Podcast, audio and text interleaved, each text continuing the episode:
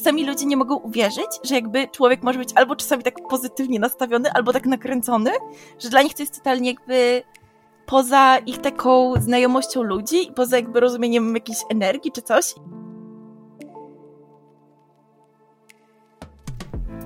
Cześć, nazywam się Ola. Mam 36 lat, normalną pracę, męża i ADHD. I jeśli to, co przed chwilą powiedziałam, wzbudziło Twoją ciekawość, to mam nadzieję, że zostaniesz tu ze mną na chwilę, bo właśnie do takich osób jak Ty chciałabym dotrzeć. Szacuje się, że jakieś 15-20% ludzi na świecie to osoby nieneurotypowe. Tylko, że nie każdy o swojej neuroróżnorodności wie. Jest cała masa kobiet, które od zawsze odczuwają pewien dyskomfort, tylko nie do końca wiedzą, jak go nazwać. I bez świadomości tego, co może być jego źródłem, szarpią się ze sobą i cierpią w milczeniu. Bo o ADHD czy szeroko pojętej neuroróżnorodności u kobiet mówi się zdecydowanie za mało. I bardzo chciałabym, żeby ten stan rzeczy zaczął się powoli zmieniać. No i właśnie dlatego tu jestem. Żeby podzielić się z Tobą moją historią i żeby dopuścić do głosu inne kobiety atypowe, z którymi będę tu rozmawiać. Dzisiaj więc historia mojej kolejnej gościni.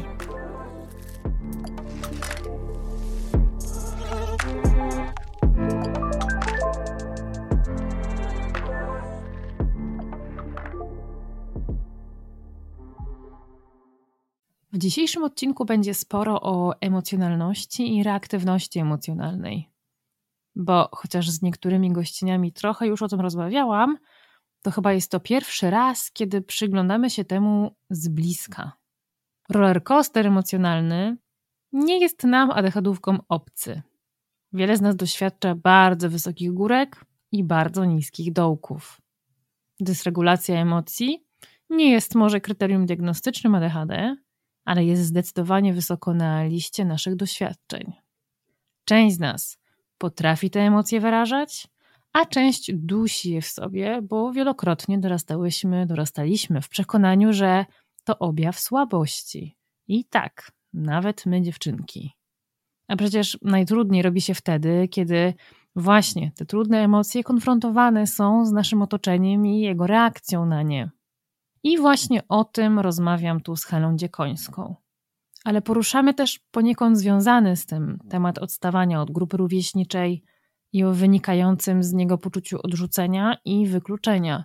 A Hela opowiada, jak trudno jej było i czasem nadal jest odnaleźć się w świecie, który traktuje ją jak dziwną i nieprzystającą, tylko dlatego, że albo za bardzo się cieszy, albo za mocno smuci. Hela ma 24 lata i diagnozę dostała dwa lata temu. Co prawda, jej mama próbowała zgłaszać trudności Heli i szukać pomocy już na etapie gimnazjum, ale obydwie przez długi czas odbijały się od ściany. Moja gościni na co dzień jest studentką polonistyki, a poza studiowaniem pisze artykuły modowo-reklamowe i jest pasjonatką starych mebli, PRL-u, kawy i psychologii. Kocha psy, często łapie zajawki i uwielbia teorię językoznawstwa. A jeśli chcecie poznać ją lepiej, no to posłuchajcie tego, co ma do powiedzenia. Poza tym, chciałabym podziękować wszystkim osobom, które zdecydowały się do tej pory wesprzeć mnie i postawić mi wirtualną kawę. To dzięki Wam mogę dbać o to, żeby to, co robię, było robione na wyższym poziomie. A jeśli chciałybyście, chcielibyście mnie wesprzeć, to możecie to zrobić klikając w link, który widnieje na dole opisu tego odcinka albo w opisie profilu na moich socialach. No i już bez przedłużania, zapraszam Was do wysłuchania tej rozmowy. Cześć Hela. Cześć, cześć.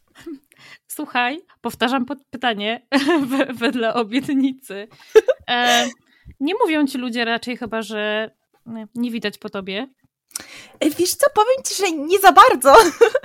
raczej, raczej nie są zdziwieni, jak na przykład informuję, bo na przykład teraz, jak jestem świadoma, też staram się informować na początku, że hej, jak coś to mam ADHD i ja po prostu tak mam, bo powiem ci, że spotkałam się z takimi komentarzami na przykład na imprezie czy cokolwiek, że zapytali się, czy ja już jestem pijana, bo po mnie bardzo to widać, albo co wzięłam, albo, że wow, ale fajnie, w sensie coś dobrego musiałaś wziąć w ogóle, A jak ja mówię komuś, ale jestem taka na co dzień, w sensie ja, ja tak mam, to czasami ludzie nie mogą uwierzyć, że jakby człowiek może być albo czasami tak pozytywnie nastawiony, albo tak nakręcony, że dla nich to jest totalnie jakby poza ich taką znajomością ludzi, poza jakby rozumieniem jakiejś energii czy coś i, i to jest ciekawe, powiem ci, ciekawe, bo y, różnie się to tłumaczy y, i ciekawie to jakby hmm, pozwala mi się odnaleźć, no i plus też jakby, no też jestem starsza teraz i y, mam lepszą troszeczkę świadomość siebie i tak dalej, więc już nie przejmuję takimi komentarzami, no ale wiadomo, jak kiedyś coś takiego mogło usłyszeć, to było takie też, no, no tak niezbyt. No tak, no, zwłaszcza jak, jak nie wiesz, nie? Jak mhm. nie wiesz, że masz ADHD i mm, wydaje ci się, że faktycznie coś z tobą jest nie tak, że jest, jesteś jakaś dziwna, skoro wszyscy inni nie są tak bardzo nakręceni jak ty. Ale co odpowiadasz? E, najczęściej odpowiadam po prostu, że, e, że no, że rzeczywiście tak mam, że to jest taka moja natura, mam taki jakby temperament. Czasami też tłumaczę, że są ludzie, którzy mają bardzo spokojny temperament i w ogóle, a ja po prostu taki mam, to jest normalne. No i też często mówię o tej diagnozie ADHD, bo też mam wrażenie, że ludzie teraz właśnie są jednak bardziej otwarci w tym klimacie e, i też coraz częściej się mówi o tym, coraz więcej ludzi się diagnozuje oczywiście jako dorosłych. E, więc no to też jest takie, coraz też się czuję trochę bezpieczniej, że tak z tym bo też jednak mam wrażenie, że jakbyśmy nawet 10 lat wstecz się cofnęły, no to ADHD to była taka łatka, można powiedzieć, mam wrażenie, jak się gdzieś słyszało o tym e, i też jakaś taka, nie wiem, świadomość badania, czy coś takiego poza tym chłopcem stereotypowym, który biega, e, no to, to mogło być troszeczkę ciężko, szczerze mówiąc. A pewnie zależy, gdzie, gdzie podejmujesz się tej rozmowy, bo no tak. mam wrażenie, że w wielu miejscach nadal ta łatka jeszcze e, funkcjonuje i ma się bardzo dobrze. Mm, no właśnie. E, a tobie jak się ADHD kojarzyło, zanim się o nim dowiedziałaś czegoś więcej? Ojej, wiesz co, powiem Ci, że tak naprawdę przez większość życia, no bo tak diagnozę otrzymałam może właśnie jak miałam 3 lata temu mniej więcej powiedzmy miałam tą diagnozę taką pełną, e, ale zanim to było tak, że o Jezu, powiem Ci, że to było strasznie trudne, bo zaczynało się od tego, wiadomo, jak jest się dzieckiem takim mniejszym typu przedszkole, no to raczej tak wszystko jedno, te dzieci wszystkie niby tam biegają i tak dalej. E, Okej, okay, ja rzeczywiście byłam takim może troszeczkę bardziej biegającym dzieckiem czasami, bo ciągle sobie gdzieś tam się potykałam, coś sobie robiłam, e, w ogóle gdzieś szybko, sekunda nie ma mnie i jakby, no to niby trochę jak wszystkie dzieci, ale tak, no były takie różne zachowania, może troszeczkę intensywniejsze. Ja w sumie byłam de facto całkiem grzecznym dzieckiem, wbrew pozorom, mm, ale byłam dosyć taka postrzelona właśnie, tak to można powiedzieć.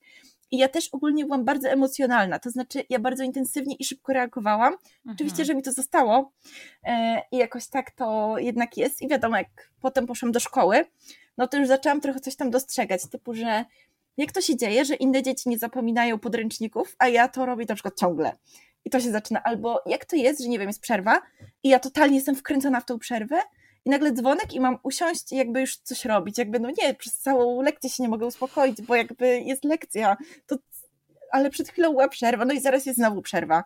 Więc jakby... Mm. E, I właśnie pamiętam, że to się zaczynało od tego, że Albo takie pierwsze rzeczy, tak, zauważyłam, że trochę nie rozumiem instrukcji właśnie. To jest tak, że były na przykład WF-y e, i padały jakieś tam sekwencje rzeczy do zrobienia. E, ja tak patrzyłam na innych, ja widzę, że oni to od razu na przykład wykonują, a ja takie, ale jakby ja, ja nie wiem, jak ja mam to wykonać, ja nie rozumiem. Okej, okay, ta pani powiedziała parę razy, ale ja dalej nie rozumiem. O Boże, ja mam to samo, jeśli chodzi o kwestie takie mhm. ruchowe i koordynacyjne. Masakra. Koszmar. Zgadzam się, w sensie koordynacja ruchowa, już się teraz pogodziłam, że jakby tutaj nic nie zrobię w tym polu yy, i to akceptuję, yy, ale jak się na początku tego nie wiedziało, to się miało taką aż się tak w pewnym momencie człowiek nakręcał, taki zdenerwowany był, że wiesz, jakby chcesz coś zrobić, rozumiesz, co masz robić i jakby chcesz to zrobić, a to nie wychodzi. Tak. Typu od, tak, typu odbijanie piłki. Jakby teorię totalnie już ogarnęłam sobie nawet, ale jakby ja dalej nie rozumiem, jak to się dzieje, że kiedy mam to zrobić, to ja to robię źle i za każdym razem tak samo. Więc no, to, to, to było ciężkie. Czy, ty ale... też byłaś, czy też byłaś jedną z, to, z tych dziewczynek, które na samym końcu wybierano do różnych gier zespołowych? Tak, o Jezu, zawsze i wszędzie to byłam ja. Tak, co się zgadza, bo jakby ja nie dość, że nie ogarniam instrukcji, to jeszcze nie umiem łapać ani nic robić, więc po prostu ideał, ideał. A to też zabawne, bo z drugiej strony rzeczywiście ja bardzo lubię ruch i jakby ja w ogóle jestem intensywną osobą raczej, więc to też tak brzmi, o na pewno jesteś świetna w sportach, nie jakby, oj nie, nie, nie za bardzo rozumiem, w sensie teraz jak jestem dorosła, to odkryłam jakieś rzeczy, które mi sprawiają przyjemność i są miłe i na przykład mnie nie denerwują, bo było dużo takich sportów, które mnie po prostu wkurzają, typu jak jest jakaś rywalizacja, to mnie to strasznie irytowało, bo po pierwsze ja nie nadążam, jakby, poza tym jestem wybierana na końcu, więc jakby o co tutaj chodzi, nie rozumiem. Jakieś tej strategie te dzieci robiły, typu, że wiesz, wybierają tych najlepszych, żeby wygrać, ale w ogóle o, po co się wygrywało, dalej tego nie rozumiałam, no bo w sumie nic z tego nie masz tak naprawdę, ale okej. Okay. Więc no, to było takie, że ja bardzo właśnie, tak wiesz, stopniowo się wdrażałam, tak patrzyłam, że widzę różnicę. Najpierw w ogóle to też było ciekawe, ja częściej się dogadywałam z chłopcami lepiej niż z dziewczynkami. I ja pamiętam właśnie, że ja mówiłam często, że dla mnie dziewczynki są dosyć nudne i ja po prostu zadaję się z paroma dziewczynkami, które są całkiem ciekawe i coś tam fajnego mają w sobie do zaoferowania, nie wiem, jakkolwiek to brzmi, e, ale takie, z mogłam właśnie się dogadać, e, nie wiem, coś porobić fajnego i tak dalej, bo jednak część, powiedzmy większość dziewczynek w moim otoczeniu była taka dosyć bardziej, trochę spokojniejsza, te zabawy były takie spokojniejsze, i ja troszeczkę się nie mogłam w tym odnaleźć, bo to było dla mnie właśnie strasznie takie nudne właśnie, nie potrafiłam. I nie czułam się w tym dobrze i też miałam czasami takie do siebie pytanie, że w sumie o co chodzi, jakby dużo dziewczynek to lubi, jest to dla nich fajne, dobrze się w tym odnajdują, a dla mnie to jest po prostu zupełnie nie, więc też pamiętam e, w podstawówce jeszcze były to takie opisowe jakby oceny czy coś takiego e, i zawsze w tych uwagach było to, że ja mam ciągle, że mam samych kolegów, nie mam koleżanek, że jestem troszeczkę niezorganizowana. troszeczkę. Troszeczkę. E, tak, i że jestem lekko roztrzepana, lekko. Więc jakby no tak, e, takie informacje, wiesz, gdzie, gdzie ja też jakby oczywiście byłam bardzo ambitna kiedyś, znaczy bywam dalej ambitna, że chciałam być już najlepsza, najlepsze oceny, bo na przykład miałam takie poczucie, że to jest jakby takim wyznaczeniem, że wiesz, udało ci się coś, skoro masz piątki, to znaczy ci udaje na przykład, więc to też to takie przekonanie bardzo mi towarzyszyło i ono się zupełnie nie sprawdzało, bo a propos szkoły, właśnie im dalej w las, tym było coraz trudniej, szczerze mówiąc, bo przedmiotów robiło się coraz więcej. Ja dalej nie pamiętałam o co chodzi. Jakby ja byłam w jakichś pojedynczych działkach dobra, albo coś rozumiałam, a potem zrobiło coraz więcej. Nie wiem, co się dzieje, mam coś pamiętać. Przyznam szczerze, że na przykład przypadki, jestem na polonistyce i w ogóle, ale ja z tak przypadkami miałam taki problem, żeby to zapamiętać. Po prostu to był jakiś to koszmar. Ciekawe. Tak, to jest przezabawne, ale to był koszmar po prostu dla mnie zapamiętać jakby to, te, te wszystkie rzeczy. Um, więc to też zauważyłam na początku, że nie wiem, nie rozumiałam takiego, tej właśnie rzeczy, typu, że nie wiem, wracam do domu i sobie na przykład coś tam robię, zajmuję się czymś, no i w którymś momencie no ja usiądę do tej nauki, ale jakby siadam do nauki, powiedzmy uczę się i nie osiągam takich wyników, jakich bym chciała, to też była taka rzecz, która mnie zaczęła zastanawiać i w sumie martwić, bo nie wiedziałam, co robić źle. W tym sensie, że wiesz, staram się, mhm. podejmuję jakieś działania, czyli teoretycznie powinno się udać, a zupełnie tak nie było. I ja na przykład nigdy nie miałam czerwonego paska, w życiu w sumie, i na przykład to uważałam kiedyś za coś bardzo, wiesz, takiego takiego złego, taki brak sukcesu, osiągnięć. Zawsze, wiesz, byłam wśród tych kilkoru dzieci, które tych pasków nie miało i, i jakieś tam to były rozdania, wyróżnienia e, i tak dalej. W sumie nie łapałam się w żadne bani, ja ze sportu dobra nie byłam, ani w sumie z nauki i tak trochę pomiędzy wszystkim byłam, więc też to takie poczucie, takim towarzyszyło właśnie w dzieciństwie, takie poczucie, że kurde, no nigdy nie mogę tego osiągnąć, jak próbuję, próbuję, ale na przykład na tle emocjonalnym. To też była taka sprawa, że mm, ja było, potrafiłam się od razu rozpłakać. Dalej tak mam, że jak mhm. czymś się przejmę i tak dalej, ja potrafię na zawołanie się rozpłakać. Nieważne, czy jestem w przestrzeni publicznej, czy jestem w kawiarni, czy ja jestem w autobusie, bez znaczenia, ja się rozpłaczę, jak ja chcę płakać, to ja teraz to zrobię. I w dzieciństwie oczywiście identycznie i jakby mm, im jest się starszym, tym jakby ci nauczyciele i te dzieci uważają płacz za coś złego, jakąś taką, usługę, taką oznakę słabości. Mm, I pamiętam, miałam taką sytuację raz na wycieczce. Ja w ogóle byłam wtedy, przyprowadziłam się do innego miasta, jeszcze byłam chora, więc strasznie dużo jakichś rzeczy, miałam jakieś tam rodzinne jeszcze zawirowania, wszystko naraz, więc ogólnie miałam prawo się źle czuć, to jest totalnie zrozumiałe. E, no i byliśmy na wycieczce i sobie gdzieś tam mamy obiad jakiś czy coś tam i mnie tak strasznie brzuch rozbolał i w ogóle miałam wszystkiego dosyć, więc się rozpłakałam. Któryś raz już na tym wyjeździe. No i moja pani wychowawczyni bierze mnie tak za ramię i tak zabiera z tej stołówki. Jakby ja przestałam płakać, bo nie wiedziałam trochę o co jej chodzi. Zupełnie nie łączyłam tego i bierze mnie właśnie na bok i mówi mi, żebym przestała płakać, bo psuje innym dzieciom nastrój. O Boże, co takiego? Totalnie. I jakby, wiesz, ja z perspektywy czasu wiem, jakby, że to jest zupełnie jakby absurdalne, ale wtedy, jako dziecko, to ja na przykład uwierzyłam jej, w sensie, wiesz, że byłam taka, o Boże, rzeczywiście psuję wszystkim nastrój. Więc wiesz, tutaj emocjonalnie było ciężko yy, z tymi ocenami i z tym, że właśnie to takie poczucie tego, że nie pasujesz gdzieś, i że właśnie to takie niepasowanie, takiego uczucia, że coś z tobą jest nie tak, jakby narastało, narastało, jest im starszym, to to nie przechodzi, bo na przykład myślisz, a może z wiekiem przejdzie. E, I pamiętam, że taki pierwszy sygnał, powiedzmy, no to było to, że poszłam do gimnazjum, no i oczywiście nauka nowego języka, nie mogłam nic zapamiętać, e, totalnie nie wiem, co się dzieje dalej, jakby z językami obcymi mam trochę tak, że muszę się powolutku uczyć. Mm. No i moja mama chciała właśnie coś takiego, już zaczęła podejrzewać, może coś, coś się dzieje e, i powiedziała, chciałaby mnie wziąć tam na to taką diagnozę na dysleksję najpierw i tak dalej. No i ogólnie nauczyciele robili problem, bo po prostu ja słyszałam w gimnazjum, że jestem po prostu nieodpowiedzialna. Ja po prostu jestem nieodpowiedzialna, ja zagaduję wszystkich na lekcjach. No tak. Tak, i ja się śmieję dużo na zajęciach, no bo ja nie umiem usiedzieć na lekcjach, to też prawda. No ale jak się tam cudem udało dostać na tą, e, tą diagnozę, na dysleksję czy coś tam, to ogólnie wyszło ostatecznie, że tak ta pani powiedziała w sumie, ja tej dysleksji raczej nie mam. Może mam problemy z tą, z zaburzeniami percepcji wzrokowej, czy coś takiego, bo ogólnie ja całkiem nieźle czytałam, że dosyć w ogóle szybko zaczęłam czytać i dosyć szybko czytałam. Do dzisiaj mi to zostało, nie równa się to z dokładnym czytaniem oczywiście, wiadomo, e, ale szybko czytałam. Więc tutaj jakby na tą dysleksję nie wskazywało i też ortografię dobrze znałam, bo ja lubiłam ortografię ogólnie, co jest zabawne, ale bardzo lubiłam i nie miałam z nią problemów. I też te zasady raczej jest tak, że rzeczywiście czasami coś tam pozapominam, ale to nie jest jakieś takie, że nie wiem, nie radziłam sobie czy coś. Więc jakby wtedy te pierwsze wyznaczniki takie to, to zupełnie nie i jakby też nie miałam wie, żadnych takich ułatwień i tak dalej, które tam się gdzieś tam daje tym dzieciom z diagnozą. No a też okres dorastania trudny, jeszcze dużo emocji też trudnych się zbiera. Tak. E, prawda? No właśnie, jakby też przez takie przekonanie dookoła, że nie można być takim emocjonalnym, bo to jest takie, właśnie ja też często słyszałam, że aż za bardzo przeżywam, że to jest takie dziwne, że wiesz, jakby tak wybucham płaczem albo tak się głośno cieszę, ale to też jest tak, że mm, płacz to jest jedno, ale nawet jako gdzieś osoba dorosła, kiedy na przykład się cieszę, ja się totalnie całą sobą cieszę i ja jestem głośna wtedy i ja to wiem.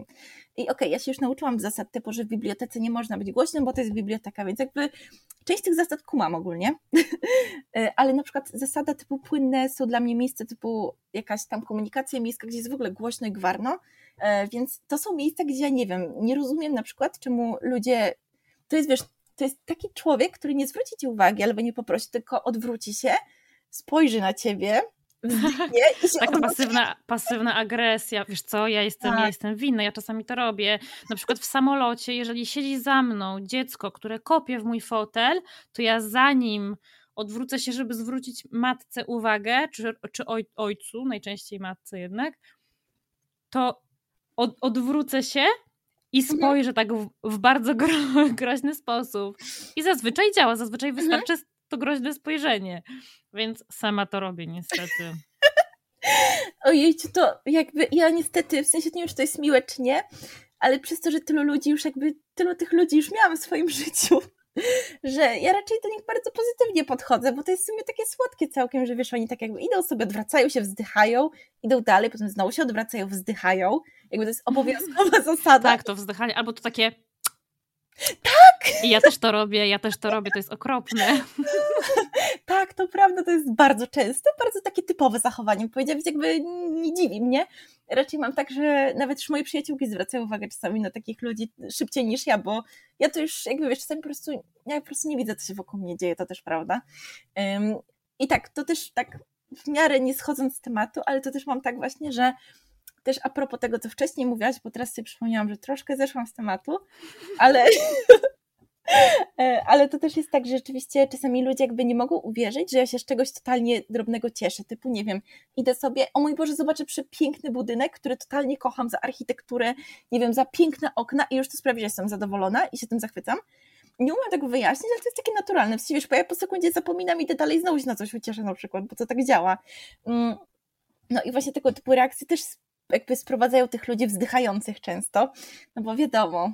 E, Ale że... wiesz co, ja mam mhm. wrażenie, że to jest trochę kulturowa kwestia. Mm, Im dłużej mieszkam na zachodzie, tym bardziej mnie to razi, jak przylatuję do Polski z wizytą. Wow. My w Polsce bardzo lubimy smutek i takie, mhm. Mm, takie zamartwianie się, generalnie wszystkie takie negatywne emocje, nie? Melancholia, tak, ta polska melancholia. Kiedyś słyszałam od znajomych Francuzów, że, że Polska jest taka melancholijna. E, ale, ale jest w tym coś. I jeżeli odstajesz od tej melancholijnej, smutnej normy, to jesteś dziwakiem i coś jest tak. nie tak. Że gdybyś ty z tą swoją radością i cieszenia się architekturą jej pięknem pojechała do Stanów, to byłabyś po prostu jednym z ludzi, którzy cieszą się pięknem architektury i bardzo ekspresyjnie to wyrażają. Natomiast tak. w Polsce jesteś tym dziwadłem. Dlaczego się uśmiechasz? O co ci chodzi? Co jest z tobą nie tak? Tak, ale to prawda, bo że właśnie bardzo tego doświadczam, to jest kwestia czasami takich spontanicznych reakcji, że się na coś cieszysz, bo coś brzmi super i powiesz, ale super! I to wszystko, jakby to są moje częste reakcje, bo nie, nie jestem w stanie czasami, wiesz, tak po cichu się ucieszyć, bo okej, okay, mam z tym problem, bardzo się uczę nie przerywać ludziom, jak przerwę to przepraszam, oczywiście, wiadomo, to też się nauczyłam tego oczywiście, e, ale to jest strasznie ciężkie, bo rzeczywiście, nie wiem, też takie powtórzenie, że się cieszę, to też jest coś takiego, że jak ktoś mnie nie zna, to nie jest pewien, czy to jest szczere na przykład bo to znowu zahaczam o ten temat, że oni nie do końca mogą wierzyć, że ludzie tak się zachowują. Mm, taki mój znajomy bliski, jak mnie poznał, to przez pewien czas zastanawiał się, czy ja nie jestem fałszywa, bo ja jestem miła strasznie. Widzisz, znowu to jest to, to jest to, o czym ja mówię. Yy, kulturowo po prostu nie mhm. przystajesz, bo jesteś zbyt pozytywna, jesteś zbyt tak. radosna. Za dobrze ci w życiu. Ja powiem ci taką rzecz. Nie wiem, czy miałaś okazję słuchać odcinka, który wyszedł wczoraj wczoraj? Tak. To jest od, rozmowa jest z, z gościnią, która jest właśnie, jest bardzo pozytywna. Mhm. I skupia się na, nie na tych trudnościach związanych z jej ADHD, tylko na tych pozytywnych rzeczach, które za tym płyną. I wyciska z tego, i, i albo, albo nawet te negatywne, obiektywnie kwestie, jak na przykład duży zalew, wiesz, jakichś złych emocji, mhm. ona potrafi widzieć w tym piękno i dobro i, i, i coś pożytecznego. I powiem ci, że dostałam jedną, jedną wiadomość od słuchaczki, e, że jest rozczarowana tą rozmową, bo ja ją zapowiadałam jako rozmowę o smutku i cierpieniu. Mhm. I że to jest clickbait z mojej strony. O nie! Bo ona przez pierwszych 30 minut opowiada o tym, jak jest jej dobrze w życiu i że tak dużo podróżuje, mhm. że jest szczęśliwa i kogoś to zabolało, rozumiesz? No, ojej. Strasznie. Więc to jest to, to jest no. to, to jest takie polskie, nie? Jeżeli, jeżeli jesteś radosna, jeżeli mówisz miłe rzeczy, to to jest podejrzliwe. No. Coś jest z tobą nie tak. Tak, ale to jest prawda, w sensie to jest właśnie też ten aspekt, który na przykład sprawiał, że czułam się niedopasowana do ludzi, hmm. bo jakby ludzie tak nie reagują i że na przykład, nie to jest nie na miejscu, wiadomo, jakby jak byłam młodsza, to nauczyciele mi tam zwracali uwagę i tak dalej, że uspokój się, że znowu się śmieje, znowu zagaduje. Uwagi, ja wiadomo, uwagi dostałam za zagadywanie, za rozśmieszanie i tak dalej. No okej, okay, ja wiem, że się nie powinno na lekcji robić i tak dalej, no ale z drugiej strony, no nie wiem, nie byłam dorosła. No poza tym szkoła była niedostosowana do potrzeb dzieci z ADHD w tamtych tak. czasach. Nie, nie pozwalano ci chodzić po klasie, mhm. Y, bawić się jakimiś zabawkami, fidgetami, więc oczywiście co innego miałaś robić, no rozpraszałaś no tak. swoich współuczniów.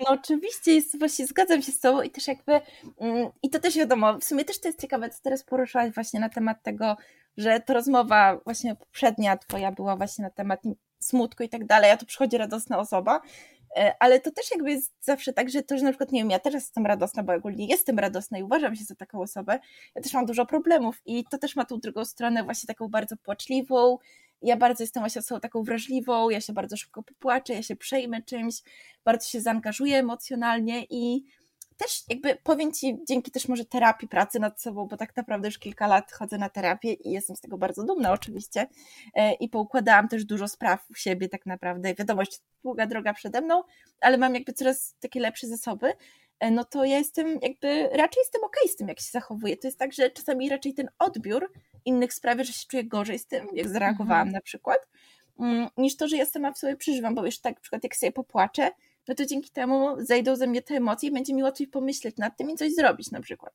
Tak. Jakbym to miała dusić w sobie, no to potem jest ciężko i, i w ogóle. I też właśnie a propos takiej, takiej radości, tej, ener tej energii i tak dalej, to też na przykład jest to trudne, bo jak ja się muszę powstrzymywać czasami, bo powiedzmy, nie wiem, yy, nie wiem, co ode mnie wymaga, powiedzmy, muszę się gdzieś powstrzymać, no okej, okay, na godzinę spoko, jeszcze powiedzmy, potem muszę się wybiegać trochę czy coś.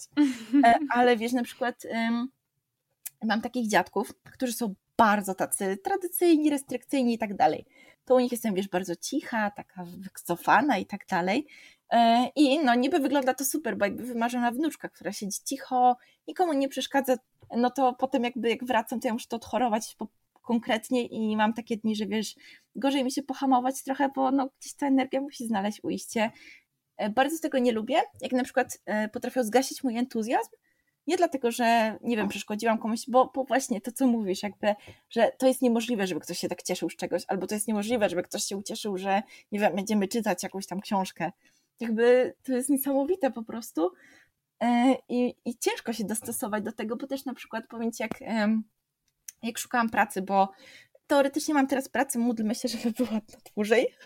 To też dłuższa historia, ale też jak na przykład chodziłam na rozmowę o pracy, to nie wiedziałam, jak mam się zachować, bo na przykład to też jest ciekawe, ludzie taką energiczność kojarzą z e, jakąś taką też właśnie nieodpowiedzialnością, tak. E, niepoważ, niepowagą, niepowagą na przykład, to jest bardzo częste. Ja po prostu przysięgam, to mnie tak wkurza, że jakby to, że jestem energiczna, to teraz jestem niepoważna i dziecinna, no na pewno, jakby to jest jedno, temperament to jest jedno, a to, co mam w głowie, to jest drugie. I jakby to, że nie wiem, będę o czymś mówić z pełnym entuzjazmem, a nie będę stała w, jak kołek albo w miarę spokojnie referowała czy coś, no to, to nic nie znaczy. Zdarzyło mi się tam występować. Ja ogólnie lubię występować, nie wiem o co chodzi, ale całkiem to lubię. E, I jakimś cudem tam się dostałam na jakąś tam drobną konferencję. No i występowałam wśród jakichś tam raczej odbiorcy byli tacy starsi profesorowie, powiedzmy. Mm, no i to też było takie dosyć dla mnie trudne, bo wiesz, tam oni wszyscy przychodzą spokojnie, referują i tak dalej, potem wchodzę ja, nie, że ja mówię mniej merytorycznie, czy coś mówiłam właśnie, właśnie w swoim licencjacie, coś tam, jakichś tam badaniach i tak dalej, e, jakby już mój odbiór był mniej troszeczkę poważny, bo robiłam to energicznie dosyć. Mhm. I to już było to problematyczne, że trochę jest za dużo tej energii, ekspresji i tak dalej. I właśnie, to też jest ciekawe, że jakby ten świat naukowy troszeczkę jakby na przykład nie uznaje tego, że wow, jesteś energiczna, też nie znaczy, jakby idę w kierunku nauki, bo chyba jednak nie, e, ale tak sobie chciałam popróbować, bo czemu nie, ale rzeczywiście jak obserwowałam ten świat, ludzie bardzo definiują przez to i nie wiem, gdybym była spokojną osobą, która siedzi sobie cichutko i no nie wiem, no może by uznali, że jestem od razu mądrzejsza, bo cicha osoba równa się mądra, to nasz temperament jest wyznacznikiem naszego sposobu myślenia, naszej właśnie świadomości, naszych doświadczeń, też naszego samopoczucia, jakby ja też mogę być smutna, ja byłam smutna, oczywiście, że tak, ale też nie, nie sprawia to, że jestem od razu nieenergiczna na przykład. Tak, tak, tak. Masz 100% racji. To, że ludzie interpretują nasz temperament jako. Y, wiążą, wiążą nasz temperament z rzeczami, które nie mają z nim, z nim związku w ogóle. Ale poczekaj, stop. Zróbmy pauzę, postawmy przecinek, bo jest 25 minut rozmowy, a ja ciągle nie wiem, jak to się stało, że dostałaś diagnozę. O mój Boże, niedobrze, ale to już spokojnie i ja już nad tym panuję i ci zaraz to opowiem, jak to się stało. Słucham. E, ja ogólnie zaczęło się u mnie od tego, że jak miałam 16 lat, no to zaczęłam mieć takie objawy depresyjne, takie dosyć mocniejsze i stany lękowe. I to się w ogóle od tego zaczęło tak naprawdę. No i wiadomo, zaczęłam tam chodzić po lekarzach i najpierw zaczęło się od leczenia oczywiście depresji i stanów lękowych. No bo wiadomo, najbardziej widoczne na pierwszy rzut oka. E, no i się wiesz, leczyłam długo, to też jakby raz działało, raz nie. Powiedzmy, że nie było jakichś takich spektakularnych zmian. E, no i ostatecznie gdzieś tam, gdzieś tam usłyszałam, że może mam jakieś tam ADD czy coś takiego, ale to tak gdzieś tam przepłynęło, powiedzmy, i to były czasy licealne. No ja skończyłam szkołę, udało mi się tą maturę tam stać, w miarę już jakby z samopoczuciem też lepiej się czułam, mm, no i szłam sobie dalej. No ale jakby te problemy gdzieś tam wracały do mnie e, i miałam znowu intensyfikację stanów lękowych. Dostałam jakby, jakby te stany depresyjne już były opanowane, natomiast te stany lękowe to zaczęły być, bo jakby ja też byłam dosyć osobą nerwową często, za szybko się stresowałam i tak dalej. Mm, no ale gdzieś tam potem zaczęło się pojawiać łączenie jakichś moich problemów w nauce. No bo jakby, no okej, okay, dobra, stan jeden to, ale problemy w nauce i coś tu się dzieje. W ogóle to też jest ciekawe, że ja na dysleksję zostałam zdiagnozowana, jak miałam 17 lat dopiero, tak naprawdę mega późno, bo zazwyczaj się właśnie nawet jakby za mojej młodości, jakkolwiek to brzmi, no ale w tych latach 2000 kilka, no to się te dzieci w podstawówce diagnozowało. No ale właśnie, skoro ja kiedyś usłyszałam, że nie, nie, ja jakby za dobrze czytam na tą dysleksję, jakby mhm. całkiem fajnie z tą e, ortografią, no ale miałam problemy z uczeniem się. Właśnie takie problemy z nauką języka były ogromne, bo w liceum jakby uczymy się drugiego języka i ja totalnie tego nie ogarniałam. Ja ledwo zdawałam z drugiego języka, bo ja jeszcze się angielskiego nie nauczyłam. A tu nagle każą mi się uczyć nowego języka. Plus ja też właśnie, znowu mamy system szkolny, idzie to w jakimś takim tempie swoim, a ja trochę nie rozumiem tego, nie nadążam, nie, nie wiem, nie wiem co się dzieje. No ale co do diagnozy, no właśnie, najpierw zaczęło się tej dysleksji, no, no okej, no zgadzałoby się, no trochę mam problemy z koncentracją w sumie, e, no ta nauka różnie wychodzi, no to okej, dobra, zdam tą maturę, oczywiście żadnego czasu przedłużonego nie miałam, no bo na maturze to się nie liczy za bardzo, e, dostałam się na studia, więc super, super, no, zdałam te studia na licencjacie na pewno, natomiast no, ja właśnie leciałam często na ostatnią chwilę z czymś, na jakichś dziwnych zasobach, albo w ogóle nie mogłam się coś zabrać. I to było bardzo męczące, plus też ja jestem no właśnie dosyć impulsywną osobą. I na przykład moim problemem też były takie emocje, intensywne emocje, które bardzo przeżywałam i nie potrafiłam sobie z nimi poradzić. I nie potrafiłam ich wytłumaczyć nikomu, bo jakby to nie było dla kogoś logiczne, że ja nagle wpadam w płacz, bo e, nie wiem, coś sprawiło, że mi się coś przypomniało, jest mi strasznie smutno, a ja tak mam po prostu. I też jakby narastało mi to takie poczucie tego zagubienia znowu, że okej, okay, tutaj się leczyłam, tutaj chodziłam na tą terapię, no ale znowu jakieś problemy nowe się pojawiają, jakieś niezrozumienie, ja się nie czuję jakby, właśnie miałam to uczucie cały czas tego, że wiesz, nie pasuje gdzieś tam, że się nie mogę mhm. wpisać w coś, że jakby oczekują czegoś ode mnie, a ja tego nie spełniam i nie potrafię tego przeskoczyć, jakby staram się i e, i jakby też gdzieś przyznam, że właśnie w, tak gdzieś już na drugim roku studiów mniej więcej, zaczęłam tak sobie uświadamiać, że wow, że jakby hmm, gdzieś to o tym ADD usłyszałam, że mam, może. No to dobra, tak może coś tam zaczęłam czytać, jakoś się trochę interesować. E, I tak zaczęłam powolutku sobie składać w głowie pewne rzeczy, takie o kurczę, że znaczy tak, najpierw właściwie to było może nawet nie układanie, ale widzę, że rzeczy i potem je wypieram. Nie, to nie mogę być ja, nie ma opcji, ja nie mam żadnego ADHD w ogóle. O co chodzi? Przesada? Nie mam, nie zgadza się. I jakby wiesz, najpierw było bardzo duże wyparcie tak naprawdę i taka niezgoda na to. Mm, no ale problemy się nie zmieniały, ja dalej robię na ostatnią chwilę. E, I jakby kurczę, cały czas, cały czas jest mi ciężko. Wiesz, jakby tak pomyślałam, że mm, a nuż mam to ADHD, może mam, a może nie mam, takie dobre. I jakby chyba miałam 23 lata może, e, to odłożyłam sobie na tą diagnozę nieszczęsną, bo zobaczyłam, przeczytałam na czym to polega, skorzystam z takiego pakietu, powiedzmy, że tam nie masz właśnie psychiatra, psycholog, mm, jakieś tam badania i tak dalej. I tak myślałam, dobra, no jakby, Jezu, tam pójdę sobie, zobaczymy. E, no i oczywiście jakby zaczęło się od tej, tej ankiety Diva, oczywiście dostałam ją, tam gdzieś tam były te pytania i one strasznie mi dały do myślenia, bo to były totalnie jakby pytania, które dotyczyły mojego życia i tego jakby z czym się na przykład zmagałam. Zobaczyłam, że wow, przecież ja tak miałam, przecież to się działo i jakby to wszystko się tak totalnie zgadza. To był taki też pierwszy moment, gdzie jakby troszeczkę zaczęłam sobie wybaczać pewne rzeczy, to mhm. znaczy, wiesz, przez całe życie zarzucam sobie, że to jest moja wina źle, nie umiałam czegoś zrobić, nie radzę sobie i to było wszystko jakoś tam moja wina, a to był taki pierwszy sygnał, że to może nie jest moja wina, po prostu może jest jakieś rozwiązanie na to. E, no i oczywiście myślę, że no, diagnoza się okaże, że ma właśnie mieszana ADHD, no nic zaskakującego teoretycznie, e, ale powiem Ci, że jakby otrzymanie diagnozy to jest bardzo taki trudny moment i też trochę z jednej strony jest bardzo wyzwalający, bo właśnie masz tą informację, wow, to nie jest twoja wina, ale z drugiej takie masz nie, że mam tą łatkę tak zwaną. Znowu do tego wracamy, do tego przekonania, które gdzieś panowało i też strasznie było na początku z tym ciężko. Ja też na początku, ja tą diagnozą już tak nie, mm, nie dzieliłam tak swobodnie. Powiedziałam najbliższym osobom, bo wiadomo, nie wiem, nie chciałam, właśnie nie chciałam być przekreślona przez to, że mam ADHD na przykład. To było coś, czego się strasznie bałam nie chciałam właśnie być wykluczona przez to, więc no, to troszeczkę mi zajęło, zanim wiadomość wdrożyłam. No i oczywiście najpierw dostałam e, też te leki, wiadomo, czytanie o lekach, czy Medikinet, czy to jest ok, czy to jest jakaś niebezpieczne i tak dalej, czy to nie zmieni mojego zachowania, właśnie mojego temperamentu. No bo tak właściwie to też jest taka ciekawa rzecz, że jakbym powiedzmy była gdzieś sama, sama ja całkiem lubię swój temperament, w sensie dobrze się w nim czuję i dobrze się bawię i na pewno no, nie nudzę się, lepiej się w tym odnajduję niż gdybym była bardziej stonowana ale na przykład to ciężej jest, kiedy się konfrontuje ze światem, że tak ujmę, gdzie różnie ludzie mhm. reagują, są różne sytuacje, są różne wymagania, które się mi tam gdzieś stawia, naturalnie się stawia, a ja czasami nie potrafię nim podołać. Przyznam szczerze, właśnie wzięcie tego leku to też takie było, mm, że jakby nie zmieniło to mojego charakteru, zupełnie nie przestałam być energiczna y, i taka bardzo pozytywna, czegoś najbardziej gdzieś tam bałam w sumie wtedy, tylko że po prostu łatwiej było mi myśleć, co jest super, bo ja bardzo często się wyłączałam, traciłam kontakt i za to wyłączanie oczywiście też się wiadomo biczowałam, no bo jakby jak ja mogę kogoś nie słuchać, przecież to jest ważna osoba i nie słucham, więc sama diagnoza była trudna, ale powiem Ci, że po samej diagnozie życie zupełnie jakbym od nowa trochę budowała, no bo tak, buduję jakby rozumienie swojej przeszłości, i słowa, które słyszałam milion razy na swój temat, jaka to ja nie jestem właśnie. Roztargniona, nie rozumiem, nie ogarniam, co ze mną nie tak, czy na przykład, nie wiem, kiedyś nawet usłyszałam od jakiejś tam nauczycielki w podstawówce, w ogóle beznadziejna podstawówka, ale wiadomo, jak to kiedyś też było, że jakaś nauczycielka powiedziała, czy ja głucha jakaś jestem, że ja nie słyszę, czy coś. Ja myślałam, że ja głucha jestem po tym.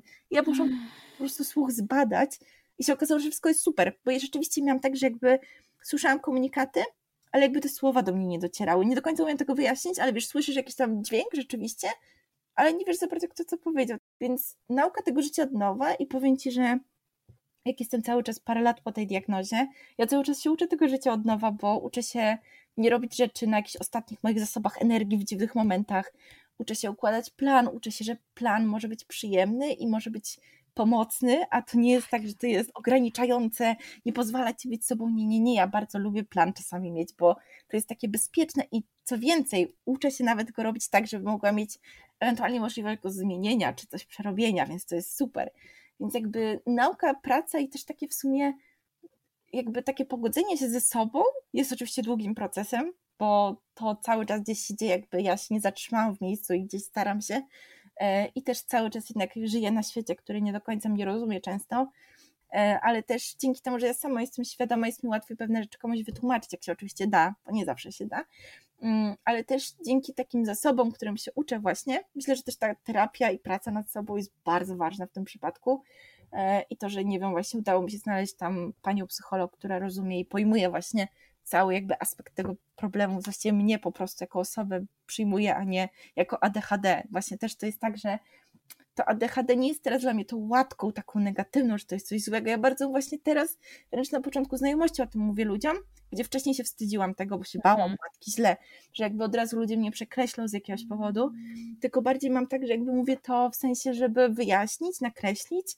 uświadomić i ja się też tego nie wstydzę, jakby to jest, to jest po prostu część mnie i okej, okay, jak każde cechy ma trudne momenty, ma dobre, każdy też jest inny i to jest naturalne i no jakby nie zmienię tego, to też nie jest tak, że wiesz, na początku ja bardzo chciałam to zmienić, po tej diagnozie. Też miałam ten moment, że o nie, ja to muszę zmienić, ja muszę zrobić wszystko, żeby nie było widać żadnych objawów, niczego i tak dalej, żeby wiesz, zlikwidować to wszystko, a to nie o to chodzi, jakby ja zostanę taka, jaka jestem, nie zmienię tego, no nie ma bata, mogę się starać, ale no nie zmienię tego i bardziej chodzi o to, żeby nauczyć się żyć tak, taką, jaką się jest, nauczyć się też siebie akceptować, rozumieć przede wszystkim e, i uczyć się właśnie odnaleźć w tym świecie. Cały czas tego szukam i staram się, jakby wiadomo, błędy są po drodze zawsze, ale też jakieś małe sukcesy osiągam, też uczę się je dostrzegać, też nauczyłam się e, dostrzegać świat w odcieniach szarości, bo tak to czarne albo białe, nic pomiędzy.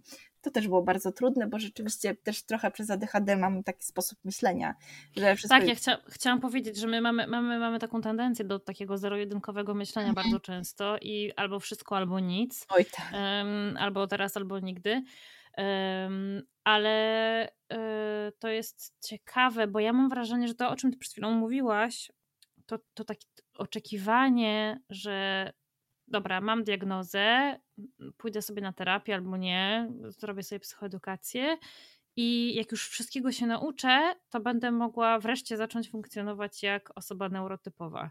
Tak. E, nagle wiesz, e, wezmę lek i to taka magiczna tabletka, która mi tam taki przycisk włączy w mózgu i mój mózg zacznie wreszcie funkcjonować jak mózg osoby neurotypowej. Tak. Ja naprawdę mam wrażenie, że to jest zupełnie naturalny etap w przypadku większości osób w mhm. pewnym momencie taki sposób myślenia się pojawia. Oczywiście on bardzo szybko jest weryfikowany z rzeczywistością. Okazuje się, że tak się nie da i trzeba się nauczyć żyć inaczej. Ale to też jest naprawdę zupełnie, zupełnie naturalne, więc to nic dziwnego, że ty też przez taki, przez taki moment takiego myślenia przeszłaś. Tak, to też prawda i też jakby przyznam szczerze, że może też byłam w takim miejscu, gdzie dostałam tę diagnozę i jakby dostałam diagnozę i hulaj dusza i jakby zrób z tym, co uważasz tak naprawdę. I to też było trochę trudne, bo jakby też po pierwsze zorganizować z tym, czyli aha, pójść na terapię, znaleźć dobrego terapeutę, no to też wszystko jest procesem i właśnie też to, co mówi, że mamy ochotę, żeby się wszystko zmieniło z dnia na dzień, ze wszystkim najlepiej oczywiście. Tak. To nauka tego procesu jest tak trudna, przyznam szczerze, bo cały czas się tego uczę we wszystkim, też ten proces uczy takiej właśnie tej wyrozumiałości wobec siebie, bo jest raz lepiej, raz gorzej. Wiadomo, że przez te emocje czasami znowu widzimy tak czarno-biało i jakby ja dalej potrafię tak widzieć, to nie jest tak, że ja nagle magicznie przestałam tak widzieć. Nie, nie, nie. Ja po prostu nauczyłam się, że dostrzegam to, że tak widzę, ok, i się potem zastanawiam, jak już mi emocje oczywiście spadną i dam sobie przestrzeń na te emocje, to się zastanawiam, jak ta sytuacja wygląda, co się dzieje, więc jakby tak naprawdę ta nauka rzeczywiście daje dużo. Tak, ADHD nie zniknie, te objawy nie znikną magicznie, jak miałam nadzieję, że to zniknie, właśnie magiczna tabletka, diagnoza, wow, super, czyli mam problem z głowy. Y, no nie, bo jakby też to, co mówisz, jakby nie dość, że to zero-jedynkowość, też mam wrażenie to, że Mm, też dużo osób właśnie, no wiesz, przez to, że słyszysz na temat swoich cech raczej negatywne rzeczy, tak. bo albo tutaj nie wpisujesz się powiedzmy w ten stereotyp spokojnej, cichej dziewczynki, która nie przeszkadza, bo wiadomo, dziewczynki muszą być grzeczniejsze od chłopców, bo, bo tak jest, nikt nie wie czemu, e, no to to już bo jest tak. pierwszy. Tak, bo tak jest. Więc to już jest ten pierwszy punkt, że tutaj już słyszysz rzeczy na temat tego, że ale dlaczego ty chcesz biegać z chłopcami, a nie wiem, nie porysujesz sobie bo chcę biegać, nie wiem, jakby nie rozumiem problemu, e, więc to już też się zaczyna to i jakby no to, to jest ciężkie rzeczywiście, że nie dość, że słyszysz przez ileś tam lat różne rzeczy, no i też jakby bez danej możliwości pracy nad tą samooceną i rozumieniem tego, no to też jakby nie jesteś w stanie do końca stwierdzić, co tak naprawdę, czego się powinniśmy słuchać, jak sobie z tym radzić, jak sobie radzić z takimi komentarzami. No i też, no nie zawsze umówmy się, jakby jako dziecko też ciężko umieć sobie radzić z takimi komentarzami, gdzie jakby w danym momencie nie ma jakiejś edukacji odpowiedniej, czy właśnie... No nie, no jako dziecko to nie masz szans sobie radzić, absolutnie, ty przyjmujesz wszystko jak prawdę objawiono, tak jak powiedziałaś, tak. jeżeli pani ci powiedziała, że zepsułaś nastrój mhm. wszystkim innym dzieciom, to ty dlaczego miałabyś w to nie uwierzyć? Tak, to prawda, jakby zdecydowanie tak właśnie było i to jest też takie, że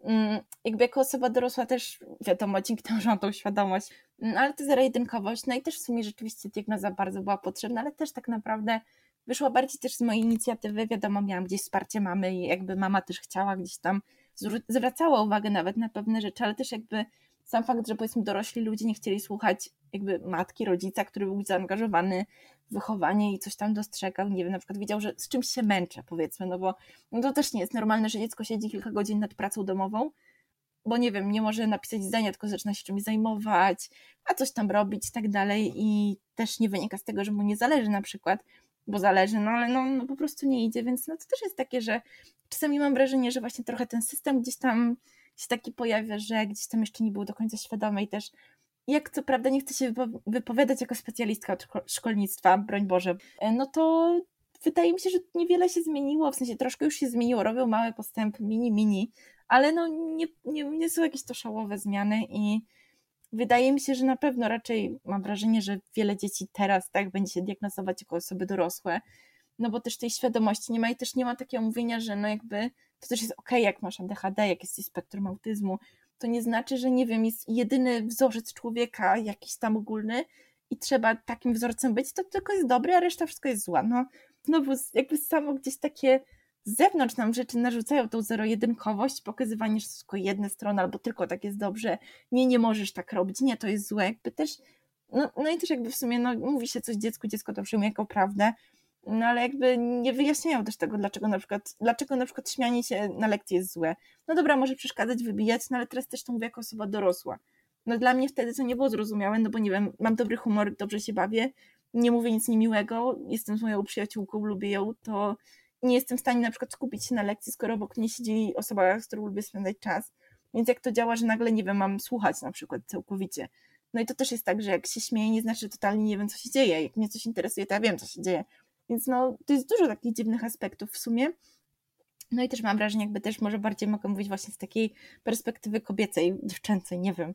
E, ale to też jakby właśnie jako, jako taka dziewczynka typu nadruchliwa, aktywna, taka właśnie roztrzepana mocno i, i nieskupiona, no to też jest takie, że też z tym kulturowym właśnie jakimś takim wzorcem się stykam, że hej, no nie wpisuję się w niego, jakby lubi bardzo biegać, nie przeszkadza mi to, tamto, nie wiem, lubię się ubierać na przykład w rzeczy, które mają miły materiał, to też było takie moje, moja taka preferencja, a też to nie było rozumiane, że jakby dlaczego, ale możesz ładnie wyglądać w czymś fajnym, no nie, na przykład nie wiem, nie założę też jak to dziecko czasami czegoś, bo będzie mi niewygodnie w tym biegać na przykład, ale to też było dosyć trudne, bo jakby wiesz, też odkąd byłam dzieckiem, gdzieś już mi te takie wzory pokazywały, że hej, to nie jest tak, powinnaś robić to, to, to, pomimo, że na przykład, nie wiem, ja się odnajdywałam w czymś super, bardzo dobrze mi było z moim bieganiem, e, z czymś tam świetnie, jakby bardzo fajnie, jakby, nie wiem, nie czułam się jakaś zmęczona czy coś, tym czułam się właśnie dobrze, mm, a tutaj potem się spotykam z czymś, że nie, to niedobre, nie, nie wolno tak.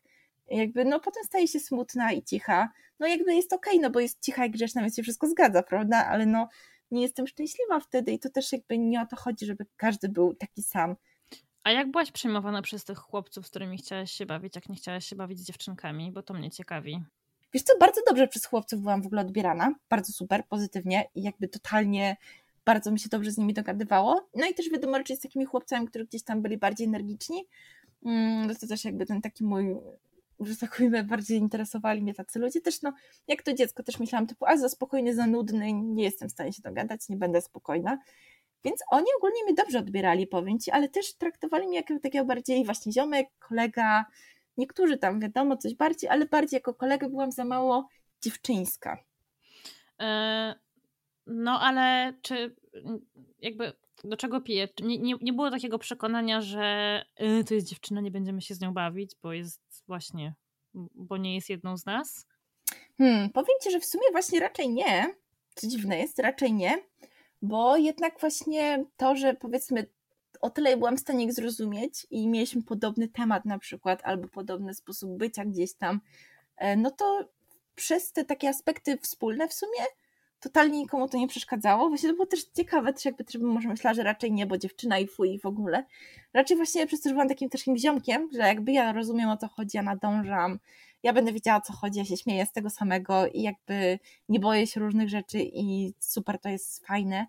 Mm, no to nie, raczej nie było czegoś takiego, raczej powiedzmy nie wiem z czego to też wynika, może też na takie towarzystwa akurat trafiłem, wiesz, jakby to też mówię o wczesnej podstawówce, bo potem to w tej późniejszej to było dużo trudniej, bo ani się w chłopców nie mogłam wcisnąć, bo chłopcy byli tacy już bardziej, nie chcieli być fajni czy coś tam, nie umiem tego powiedzieć, ani do dziewczynek, bo dziewczynki były jakby też trochę inne niż ja w sumie, te, których jakby byłam akurat w klasie, więc totalnie nie mogłam się wpisać ani tu, ani tu potem i to było bardzo trudne. Potem jakby rzeczywiście zaczęłam mieć, jak już miałam tak 15 lat, właśnie koleżanki raczej, e, ale to też były raczej właśnie osoby, szczerze mówiąc, jakby też tak zauważyłam, że też osoby raczej takie trochę nieszablonowe w jakimś sensie, cokolwiek to znaczy, cokolwiek się kryje za tym słowem, jakkolwiek kto to rozumie, mm, przez to, że gdzieś lubiłam może taką nutę oryginalności, jakby, że coś się dzieje i też to jest ciekawe, jakby moje przyjaciółki są w bardzo różnym temperamencie ode mnie i nie są jakby tak samo jak ja nakręcone, e, ale właśnie przez te wspólne tematy i jakieś, jakąś to taką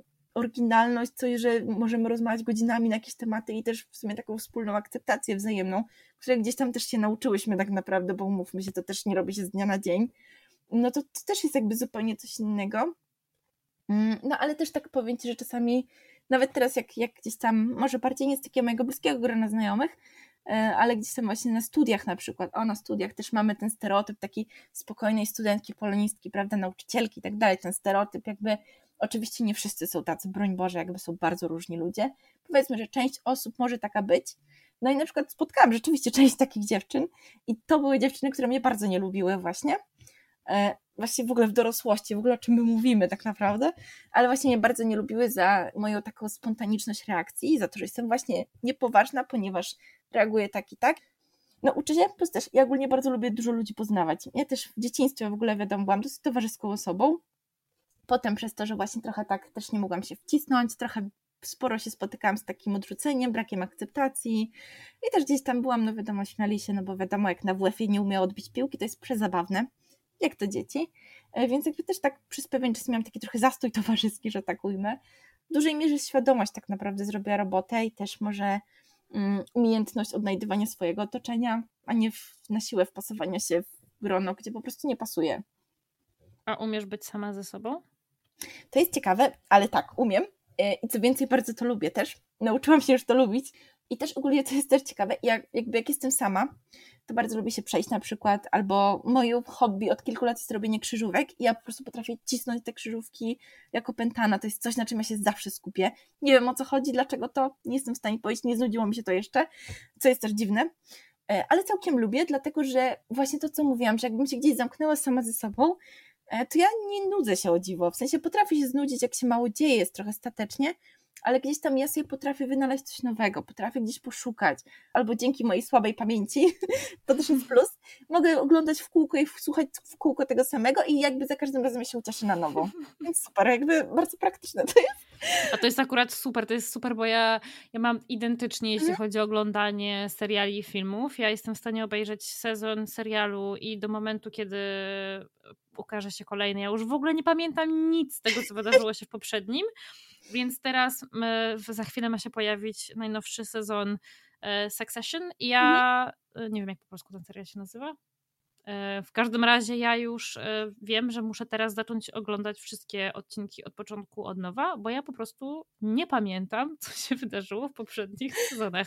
I to jest to, ja jestem w stanie oglądać przyjaciół tak z raz do roku od nowa. I ja się bawię świetnie, ja za każdym razem się czuję, jakbym oglądała ten serial po raz pierwszy w życiu. Tak, to jest świetne i to jest bardzo, ja też to bardzo lubię. Tak samo jak słuchanie piosenki na zapętleniu, a po prostu tak, tak do upadłego potrafię. I ja się świetnie bawię za każdym razem, nie znudzi mi się, więc to jest też takie, wbrew pozorom to jest przydatne, ale właśnie książkę no na bank zapomnę o co chodziło gdzieś tam. O, książki, fabuły książek, nie ma szans, żeby ja cokolwiek zapamiętała. Głównych bohaterów jestem w stanie zapominać. Oj tak, tak, jakby o imionach już nie mówimy, bo to już jest w ogóle niemożliwe. A nie, absolutnie, nie ma szans. No, to jakby bez przesady, ale też jakby treść i to jest super, bo ja przeczytam właśnie jakąś książkę, wow, ale fajna książka, czym się okazuje, aha, kiedyś czytam, no dobra, jakby, aha, no nie pamiętam, ale fajna, fajna.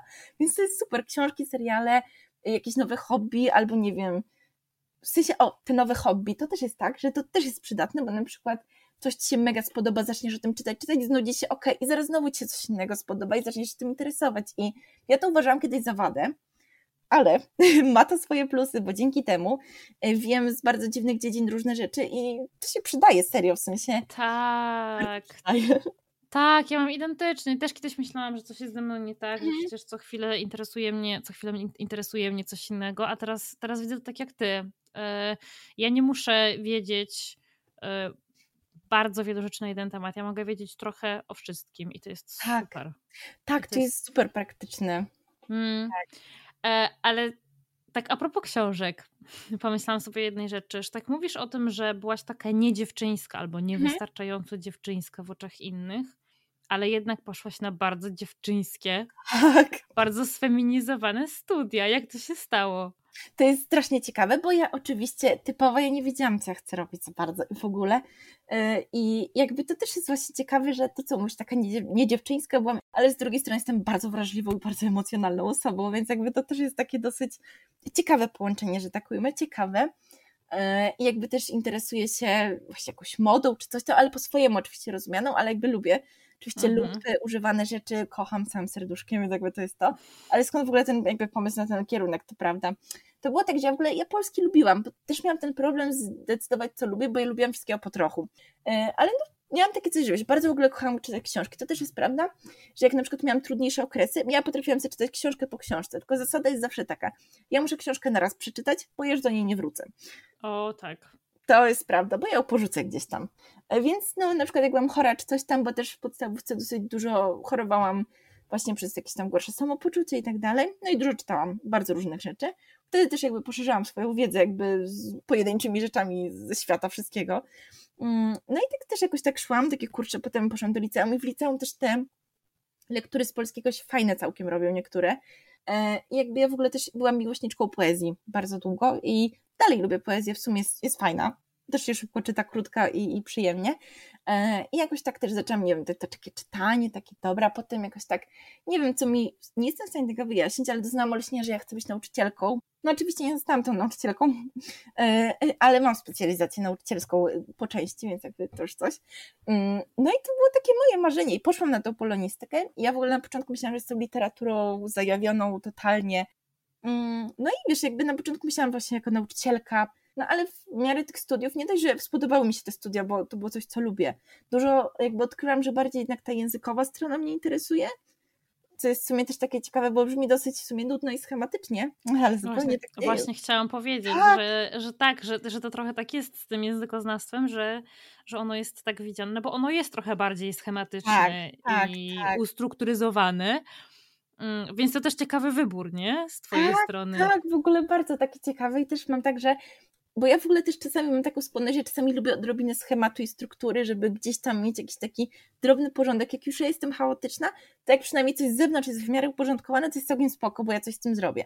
Więc jakby też takie moje podejście do językoznawstwa i do języka gdzieś tam zaczęło sprawić, że mnie to w sumie interesuje. E, no a studia też takie były, że wow, jakby im, im dłużej tam chodziłam, tym fajniej. Potem jeszcze chciałam być lektorką polskiego, bo wybrałam właśnie łączenie tej z, nauczycielskiej z byciem lektorką. No nie jestem lektorką, ale, ale mam specjalizację, to prawda. I potem też to była taka moja kolejna zajawka. Mm, ale wiesz, ja się jakoś tak kręciłam strasznie tą polonistykę.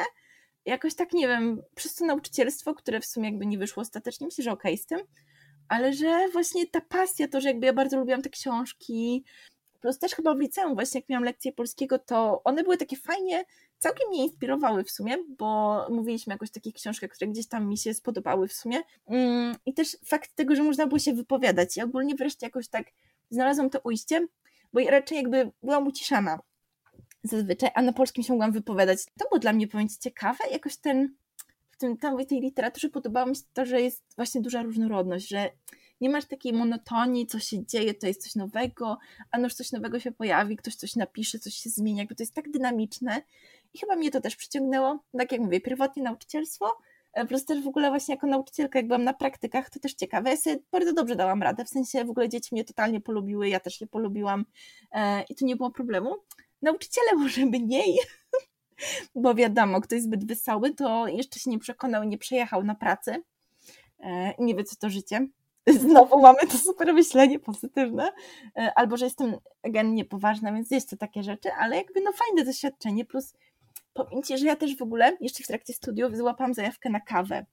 Byłam baristką i nie wiem, jak ja pracowałam w kawiarni. Powiem Ci, że popełniałam dużo błędów e, i bardzo było ciężko, bo ja, się, ja się naprawdę nie skupiam, serio, nie oszukujmy się.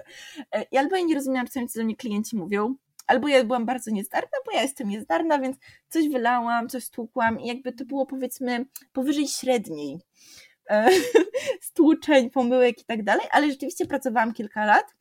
To jest, to jest już dużo, jeszcze z moimi zdolnościami manualnymi to już w ogóle, e, więc nawet mam jakiś kurs baristyczny, w ogóle wow.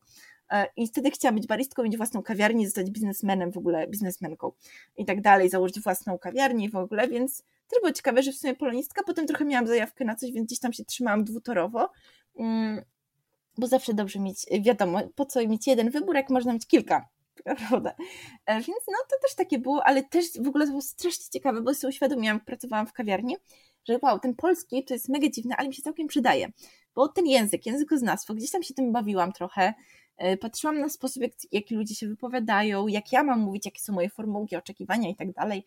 E, jak nie wiem, patrzyłam czasami, co tam ludzie czytają i tak dalej. Też całkiem fajne, jakieś takie doświadczenie, tylko że ani ten polski tak mnie nie zostawiał za bardzo, nawet w jakichś takich pracach właśnie typu kawiarnia, gdzie w sumie masz wszystko tak naprawdę e, i dużo się dzieje. Jakby też ten, ten język mi się trochę przydał, bo też pracowałam przez pewien czas w takiej kawiarni, gdzie mm, było bardzo dużo osób rosyjskojęzycznych i ukraińskojęzycznych, które jeszcze jakby ten poziom z polskiego tam jeszcze powiedzmy pracowali nad tym. No i językowo powiedzmy dużo pomagałam tam w poprawianiu tych rzeczy różnych o produktach i tak dalej, a byłam rzeczywiście baristką, która robiła kanapki i sprzątała salę, jednocześnie pomagając poprawiać teksty i mówiąc jakby o różnych rzeczach. Więc też w polonistyce w sumie ta wielozadaniowość ogólnie się przydaje i mam wrażenie, że te studia też tak trochę uczą takiej różnych, różnego sposobu myślenia, bo wiadomo, mamy nauczycieli po polonistyce, jakichś dziennikarzy, e, od PR-u ludzi, w ogóle masakra, wszystko. Redaktorzy też się znajdą, wszyscy jakby. Bardzo dużo ludzi z takim właśnie mm, potrafią spojrzeć w różny sposób albo znajdą swoją jakąś taką dziedzinę ukochaną i idą w to. I to jest fajne, że naprawdę dużo takich pasjonatów i też fajnie w sumie spotkać ludzi, którzy no wiadomo, na początku jak ludzie trochę błądzą, ale w końcu rzeczywiście jak ludzie decydują się na tą polonistykę i któryś rok już tam studiują, no to w miarę są zdecydowani na to, myślę, bo jednak, jednak to też nie jest jakiś taki kierunek, który mówi, wow, będziesz dużo zarabiać na pewno, będziesz mieć super no. no. wiadomo. Chyba nigdy nikt tak nawet o tym nie pomyślał. No tak. to też prawda, więc to, to, też nie jest taki kierunek. No i też kierunek, który kojarzymy bardzo z nauczycielami oczywiście, co nie jest nic złego, bo nauczyciele są super i w ogóle, e, ale no to nie są tylko nauczyciele, więc, więc no, w ogóle wybacz, mogłam się rozpłynąć w wątku jak zawsze. Ale... E, to ja mam pytanie takie, żeby mhm. cię zatrzymać. To kim ty chcesz być, jak będziesz już dużo?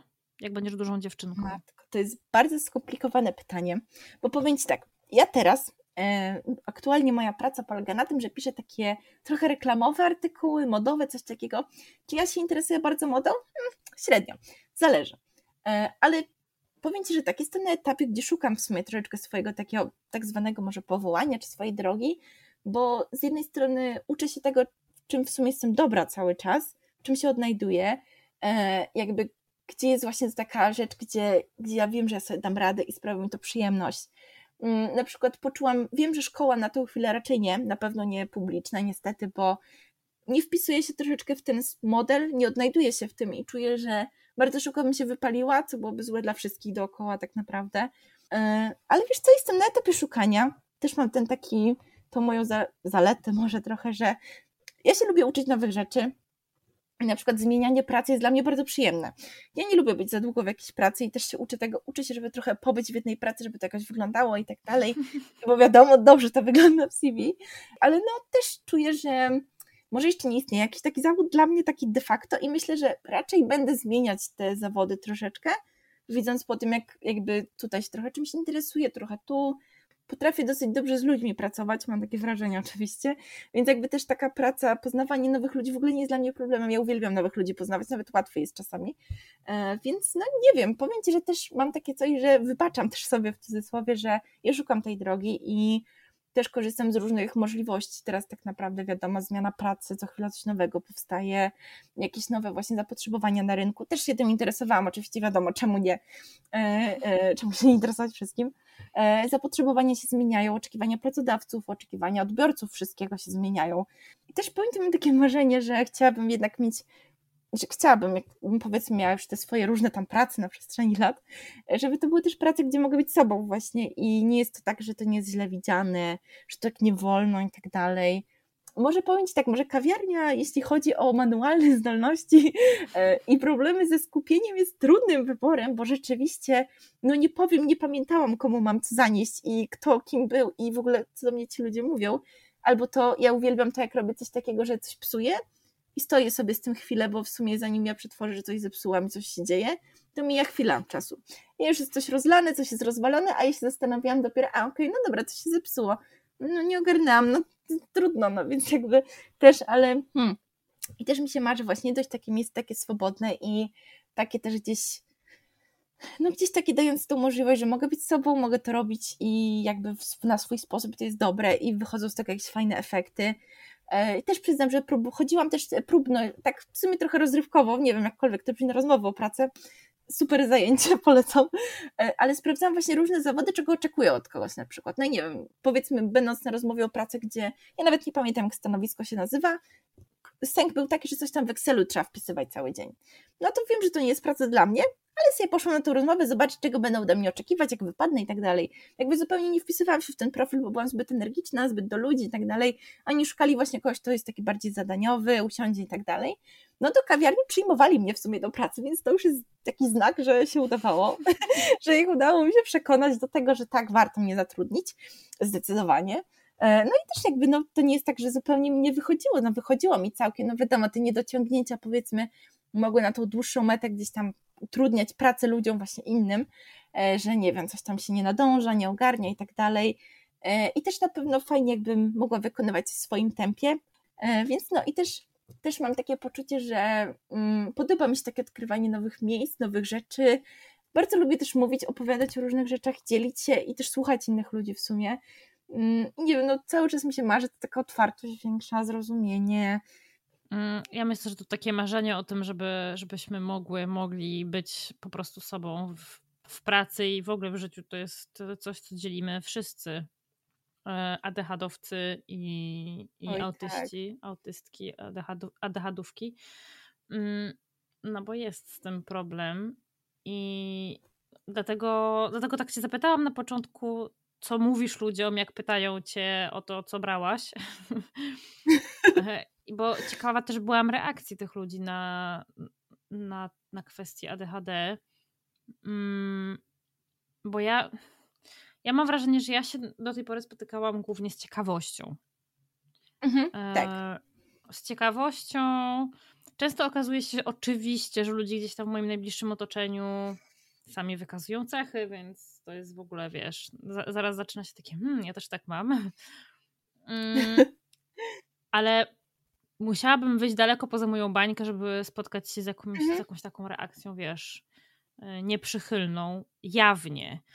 Natomiast tak. oczywiście jest też druga strona medalu, czyli ludzie, którzy teoretycznie są z tym ok mhm. E, i teoretycznie nawet próbują wykazać się jakimś wsparciem albo pomocą, ale zupełnie nie wiedzą, jak to zrobić i zabierają się za to od dupy strony, za przeproszeniem. I to no wcale tak, nie jest wspierające ani pomagające, bo to jest tak jak z każdą formą pomocy i wsparcia. Trzeba najpierw iść do osoby, która tego wsparcia potrzebuje i zapytać, czego ci człowieku potrzeba? Powiedz, to ja wtedy ci to dam. Tak, to też prawda. I też ci powiem właśnie po co mówisz, że na przykład też taka reakcja typu, że mówię na przykład komuś jakby hej, jak coś to mam ADHD, tak bardzo skrótowo mówiąc, a okej, okay, widać po tobie, spoko, nie ma problemu, a jakby po czym ta osoba zupełnie jakby wiesz, nie po jakimś tam czasie na przykład zaczyna mieć do mnie pretensje, że o Jezu, ja nie mogę z twoimi emocjami, coś tam, coś tam, gdzie jakby ja tłumaczyłam daną rzecz i tak dalej, więc też czasami ludzie albo zakładają, że wiedzą o co chodzi i uznają, dobra, dobra, już nie musisz mi tłumaczyć, ja wszystko wiem. No i się okazuje różnie, więc jakby no oczywiście ta komunikacja jest bardzo ważna, więc jakby ja też wyznaję oczywiście tą zasadę, żeby mówić otwarcie, tłumaczyć i tak dalej i próbować gdzieś tam znaleźć wspólne pole, ale bardzo też tego nie lubię, że wiesz, ktoś mówi tak, tak, jestem okej, okay, okej, okay, a po czym jakby, no nie jest jednak okej. Okay. No ale też wiesz, wiedzieć, a rozumieć to są mhm. dwie różne Oj, tak. rzeczy, bo komuś może się wydawać, że on, on może mieć naprawdę dobre chęci e, i może, może mu się wydawać, że on to rozumie, ale w momencie, kiedy jest konfrontowany z rzeczywistością, no umówmy się, my, ja, ja sama zdaję sobie sprawę z tego, że funkcjonując na takich, wiesz, wysokich górach i niskich dołkach, dla mnie to jest trudne. A co dopiero dla mojego otoczenia, które nie do końca wie, z czym to się je. Mhm. Nie, okej, okay, bo też właśnie to, co mówisz, to też zwróciło moją uwagę, bo rzeczywiście tak jest, że po prostu czasami też ludziom jest trudno to zrozumieć i trudno, nawet jak właśnie mają chęci, też nawet słuchają, to też jest jakby ważne i rzeczywiście no, nieraz też im będzie ciężko. I też wiem o co chodzi, też jestem tego świadoma, też jakby dlatego staram się też uczyć pracować, że tak powiem, dużo w głowie ze sobą, bo nawet jak dla mnie to jest ciężkie, to jest często ciężkie, to na przykład wiem, powiedzmy, znam już siebie na tyle, że wiem, że dane zachowanie jest bardzo bezcelowe, to jest taka typowa emocja, typu, o Boże, coś mnie zmartwiło, za godzinę o tym zapomnę, ale teraz to jest szalenie ważne i szalenie trudne, no to jak sobie gdzieś tam sama ze sobą pobędę i właśnie to też jest ta nauka bycia ze sobą, że pojawiają nam się trudne rzeczy, które są po prostu ciężkie i nie oszukujmy się, to jest bardzo ciężkie i ja nieraz mam serdecznie dosyć tego, jak ja reaguję, serdecznie na przykład dosyć tego, że nie wiem, nagle zacznę płakać, bo tak, bo, bo coś mnie zasmuciło strasznie i nie potrafię sobie z tym poradzić. I jakby no rozumiem też to i też jakby staram się gdzieś tam uczyć tego sama ze sobą, e, uświadamiać, wiadomo, nie zmienię tego wszystkiego, bo się nie da po prostu, mm, no ale tak jak Ci mówię, gdzieś to taka praca ze sobą, ta jakaś taka nauka siebie, zrozumienie siebie, no akceptacji, znaczy nauka akceptacji bardziej może, bo też to nie, nie da się jakby zaakceptować siebie w 100% na tak. E, to jest cały czas praca tak naprawdę, bo też my się zmieniamy, świat się zmienia, wszystko jest dynamiczne i ciężko mówić o jakiejś stałości, pewności tak naprawdę.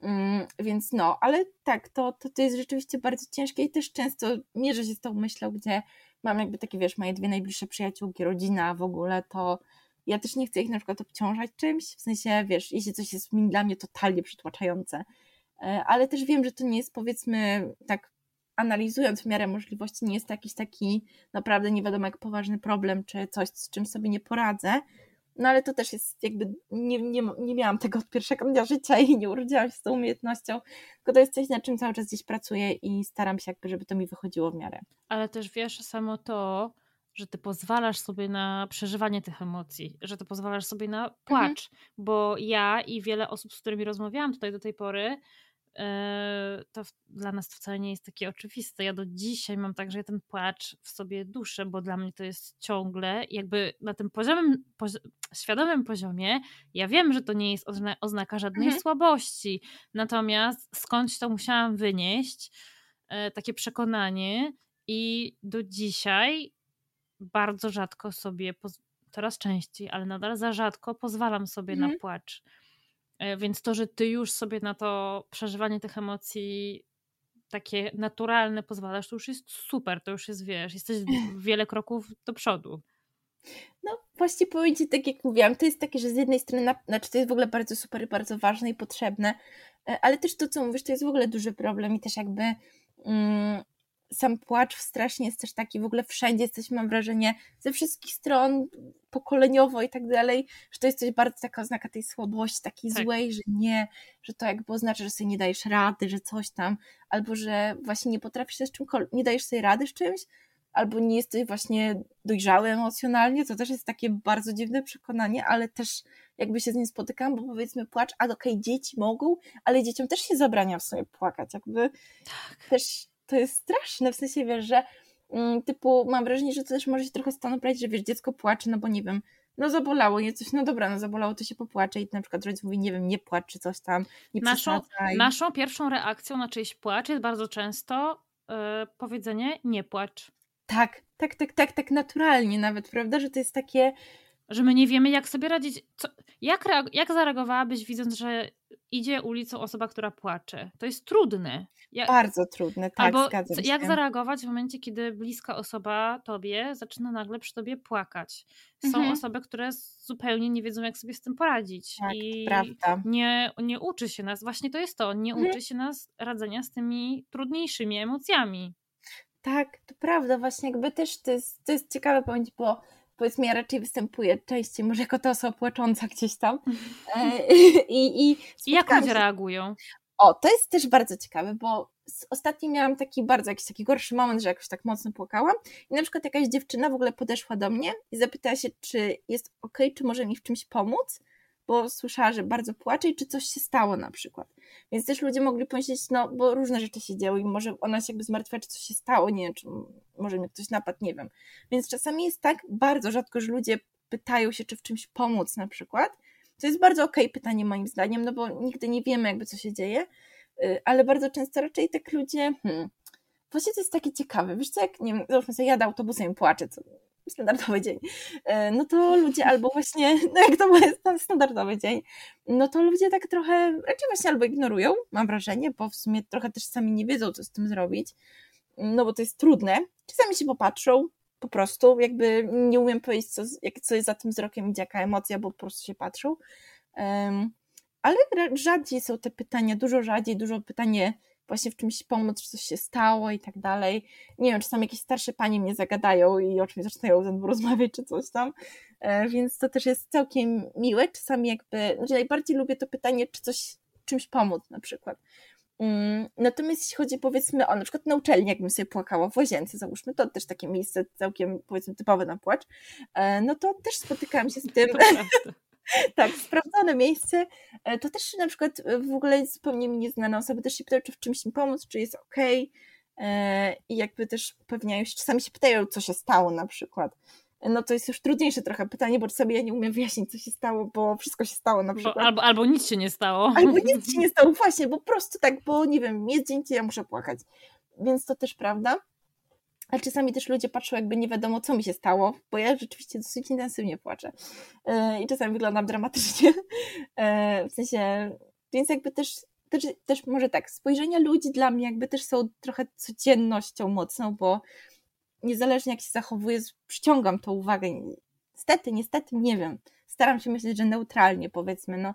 Więc jakby ten wzrok jest dla mnie trochę taki naturalny, bo jakby w drugą stronę, jak jestem zbyt zadowolona, też przyciągam spojrzenia różne, wiadomo, e, ale na przykład bliskie osoby gdzieś tam też, jak wyrobiłyśmy sobie nasz sposób rozmowy, to na przykład ja mówię też o swoich potrzebach, one mi też mówią, czego potrzebują i też w sumie też może dzięki temu, że ja dosyć często płaczę i może też ja sama przed sobą trochę zaczęłam to normalizować, że to jest normalna reakcja jak śmiech, nie wiem, tak po prostu jest, niektórzy płaczą częściej, rzadziej, ale też zawsze pytam się, czy mogę coś dla Ciebie zrobić, czy potrzebuję, żeby Cię na przykład przytulić, bo też nie każdy lubi w danym momencie na przykład dotyku, kiedy, nie tak. wiem, płacze, więc to też ważne, żeby zapytać oczywiście. E, nie wiem, nawet czasami wystarczy wysłuchać albo dać popłakać tej osobie, albo pobyć. To pytanie właśnie jest kluczowe, jakby co mogę zrobić, czy jakoś Ci pomóc, bo też albo właśnie osoba ma gorszy dzień, albo nie wiem, może jakiś atak paniki, to tym bardziej trzeba jakby zapytać bo tym bardziej wtedy te osoby mogą być wrażliwe na dotyk, czy potrzebują jakichś konkretnych rzeczy, żeby jakoś tym komfort zapewnić. Więc no ludzie różnie reagują też oczywiście w dorosłości. Mówię, wiadomo, jakby w dorosłości jak reagują na dorosłą osobę, która płacze. Mm, no bo w dzieciństwie no to wiadomo, nauczyciele różnie reagowali. To też jest pojęcie ciekawe, bo byli też nauczyciele rzeczywiście, jak byłam dzieckiem, gdzieś płakałam, którzy tak jak w autobusie po prostu patrzyli i szli dalej, jakby wiesz, zupełnie okej, okay, dziecko siedzi, płacze, idę dalej. Więc no różnie, różnie. Hmm. To jest to, to jest to. Moim zdaniem mhm. to jest właśnie problem z tym, że my nie wiemy, jak sobie radzić w momencie, kiedy pojawiają się w ogóle emocje. No bo widzisz, tak jak mówiłaś, w momencie, w momencie kiedy pojawia się radość, która jest uważana za trochę mm, wyższy poziom radości niż powszechnie akceptowalny, tak, tak, tak. to też to też nie wiemy, co z tym, co z tym zrobić nagle. Tak, tak, to prawda, w sensie to jest bardzo, bardzo prawda i jakby też jest tak, że hmm, nie wiem, z czego to wynika, bo jakby ja wiem, że ludzie się cieszą i to jest super, jakby też niektórzy się cieszą tak, że po prostu powiedzą, że się cieszę i nic za tym jakby więcej jakichś podskoków czy jakieś innego tembru głosu. Nie widzę, to też jest normalne, jakby totalnie okej, okay. są takie osoby też zupełnie w porządku, więc jakby też dla mnie to jest tak, że każdy ma inny sposób cieszenia się, jak po prostu nie jestem pewna, to się upewnię, zapytam, czy coś tam, jak nie zrozumiem, to jest też bardzo ważne, można się zapytać na przykład, y, ale tak, to prawda. I to jest też dla mnie zaskakujące, że wiesz, jakby nie mówię o jednej osobie, która tak zareagowała, tylko mówię jakby o przypadkach, które mi się zdarzają na przestrzeni lat w różnych środowiskach, w różnych sytuacjach, w różnych miejscach. I to jest też takie dla mnie bardzo właśnie, znaczy tak dające do myślenia rzeczywiście, bo wiesz, z jednej strony ja powiedzmy z moją samooceną gorzej się czuję, bo zaczynam się zastanawiać, czy coś to ja nie robię, może nie wiem, nie na miejscu, coś się nie zgadza, coś tu może powinnam zmienić w swoim zachowaniu, a z drugiej strony no nie zmienię temperamentu, to, to jest rzecz wiadomo, no jakieś tam powiedzmy zachowanie, kultura i tak dalej, to, to wiem, to jeszcze da się jakoś tam opracować. E, ale no takie rzeczy typu, że no nie wiem, no zareaguje w jakiś sposób, to, to jest niezmienne, typu tak samo jak ktoś nie zareaguje nie wiadomo jak entuzjastycznie na coś, powiem, że się może bardzo cieszyć, ale po prostu tak nie reaguje. E, no ja na przykład się pytam często takich ludzi, czy się serio cieszą, tak, tak spokojnie, oczywiście nie jakoś przyśmiewczo, bo czasami też jak ja jestem bardzo podjarana czymś i druga osoba powiedzmy nie okazuje tego jak ja, a ja na przykład pod wpływem emocji tak mniej logicznie trochę myślę, to się wolę upewnić, i jak ta osoba mi mówi, to jest super, jakby okej, okay, fajnie, że się cieszysz, jakby w ogóle nie ma problemu, w sensie nie mam problemu z tym, że ktoś inaczej reaguje, tylko jak na przykład nie rozumiem, wolę się zapytać, bo ta osoba mi udzieli najlepszej odpowiedzi na świecie, jakby nic więcej nie potrzebuję tak naprawdę. To jest super wskazówka dla wszystkich osób y, i neurotypowych i nieneurotypowych. Mm, no to w takim razie zadam Ci to pytanie, które zawsze zadaję na koniec, bo to się tak trochę z tym wiąże. Czyli co powiedziałabyś ludziom, którzy nie wiedzą nic albo wiedzą niewiele na temat neuroróżnorodności, a co chciałabyś, żeby wiedzieli? Wow. No to myślę, że na pewno bym chciała powiedzieć o tym, że w ogóle ludzie na świecie są po prostu różni i każdy jest inny i to jest, to jest tak bardzo naturalne i tak, tak codzienne i nie ma w tym nic złego e, i też jakby to jest w ogóle zaleta tego, że my się uczymy funkcjonować wśród różnych ludzi, bo my też uczymy się wyrozumiałości wobec siebie samych, wobec innych. To bardzo otwiera umysł, więc nawet same zalety tego otwierania się na to są, jakby są i są dostępne na wyciągnięcie ręki. I też myślę, że taka edukacja, poczytanie o czymś, naprawdę nie trzeba wiele przeczytać, żeby się mniej więcej zorientować.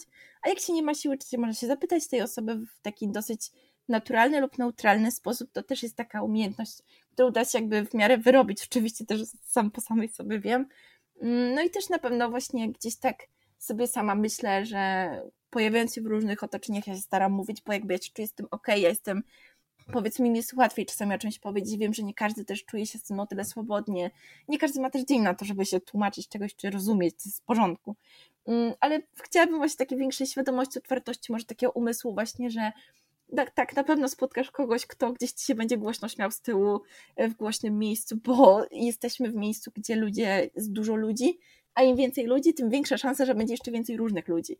Tak na logikę nawet to można wziąć. I rzeczywiście są takie miejsca, gdzie możesz spędzić na spokojnie w ciszy, typu biblioteka i nawet strefa ciszy w pociągu. Idealne rozwiązanie, więc jakby super. Każdy coś znajdzie dla siebie. I to też właśnie jest ważne, że da się znaleźć gdzieś takie różne przestrzenie dla siebie, nie lubi się głośnych ludzi, nie lubi się tego, no to jakby no czasami się tak nie uniknie się tych osób, ale to, że się uczymy tego, takiej cierpliwości, plus też jakby jeśli jakaś osoba wywołuje w nas jakąś ogromną frustrację czy coś tam, no to też nie do końca o to chodzi, bo mamy prawo nie lubić czegoś, może nam się coś nie podobać, to nie o to chodzi, że mamy wszystkich kochać, uwielbiać, tylko chodzi o takie, żeby też nie wzbudzało takich takich niepotrzebnych spięć i w nas, i w innych ludziach, bo to jest w sumie zbędne. W sensie, okej, okay, jakby ja tam spotkam 10 tysięcy jeszcze ludzi, którzy na mnie się spojrzą, yy, obrócą się i wzdychną poważnie, bo bardzo im przeszkadza to, że e, nie wiem, mówiłam coś głośno, jakiś temat e, neutralny dosyć, ale okej, okay, rozumiem, bardzo jakby w porządku, ale jakby to też jest tak, że no, to, że ktoś do mnie wzdychnie, nie, nie sprawi, że ja nagle stanę się właśnie milcząca. To też nie o to chodzi, że reagując na innych ludzi, my zmienimy ich zachowanie. To, to wszystko jest praca i ja myślę, że taka właśnie świadomość, otwartość, chęć słuchania to jest bardzo ważne i też jakiś taki próba, próba, chęć komunikowania się, to jest naprawdę bardzo ważne i czasami właśnie wbrew pozorom najprostsze pytania mogą nas zaprowadzić na bardzo dobrą drogę i wyjaśnić po prostu nasze jakieś wątpliwości czy coś, zamiast wysnuwać jakieś dziwne wnioski na temat drugiej osoby. Podoba mi się to. Zadawajmy pytania, po prostu. tak. Słuchaj, Hela, ja Ci dziękuję bardzo za, za rozmowę. Ja Ci e, dziękuję. E, bardzo się cieszę, że opowiadała, opowiedziałaś trochę o tej um, o tych trudnościach wpisywania się w te, w te role dziewczynki i tego, jak, jak my widzimy, jaka dziewczynka powinna być. Tak, super, bardzo Ci dziękuję. Totalnie bardzo się cieszę, że też Ciebie poznałam, bo bardzo lubię Twój podcast. Serio, w sensie trafiłam na niego bardzo przypadkowo e, i zaczęłam słuchać takie, Boże, wow, jakby bardzo tego potrzebowałam i totalnie wspieram to, co robisz. Dzięki Ci wielkie.